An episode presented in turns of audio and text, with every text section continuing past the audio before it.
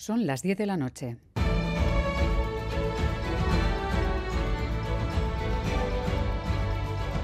Radio Euskadi y Radio Vitoria. Servicios informativos.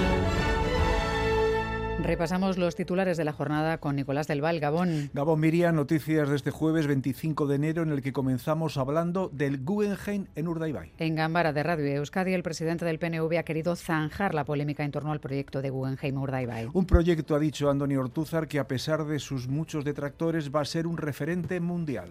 Yo le digo para zanjar las cosas y todas las instituciones en las que el PNV esté van a apoyar que salga el proyecto del Guggenheim Urdaibai. Ya sé que ahora hay detractores. Pues lo que pasó en Bilbao va a ser multiplicado por tres con los detractores cuando se termine el proyecto.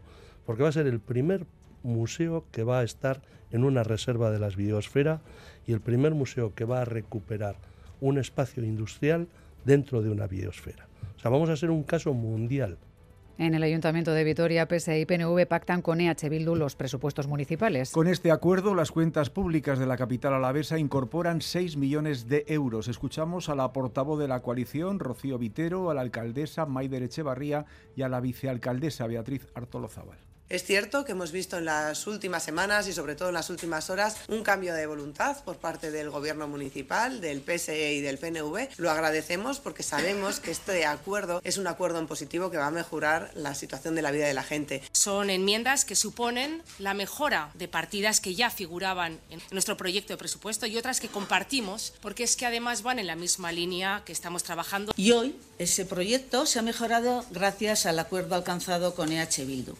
Cinco de los siete acusados de la paliza Alexandru y Onita piden perdón en la última sesión del juicio. La fiscal ha pedido una pena de más de 14 años para los acusados. La familia de la víctima ha reclamado prisión permanente revisable y las defensas han solicitado la libre absolución. Como dices, cinco de los acusados han mostrado arrepentimiento. Primero que todo, pues pedir lo siento a la familia y a Alessandro también por lo sucedido. Eh, nunca tuve la intención, como dicen así, de, de matarlo, porque nunca jamás lo pensaría. Y, y eso, ¿sabes? Que nunca, no haría un tip, algo así, nunca en mi vida. Mm.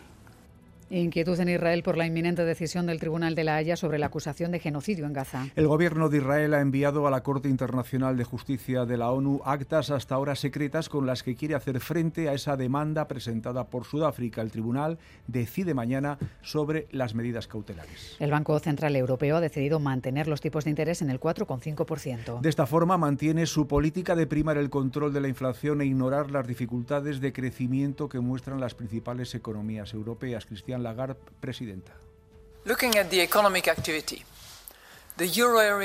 Si analizamos la actividad económica, es probable que la economía de la zona euro se haya estancado en el último trimestre del año pasado. Los datos continúan marcando debilidad a corto plazo, aunque algunos indicadores señalan un repunte del crecimiento en el futuro.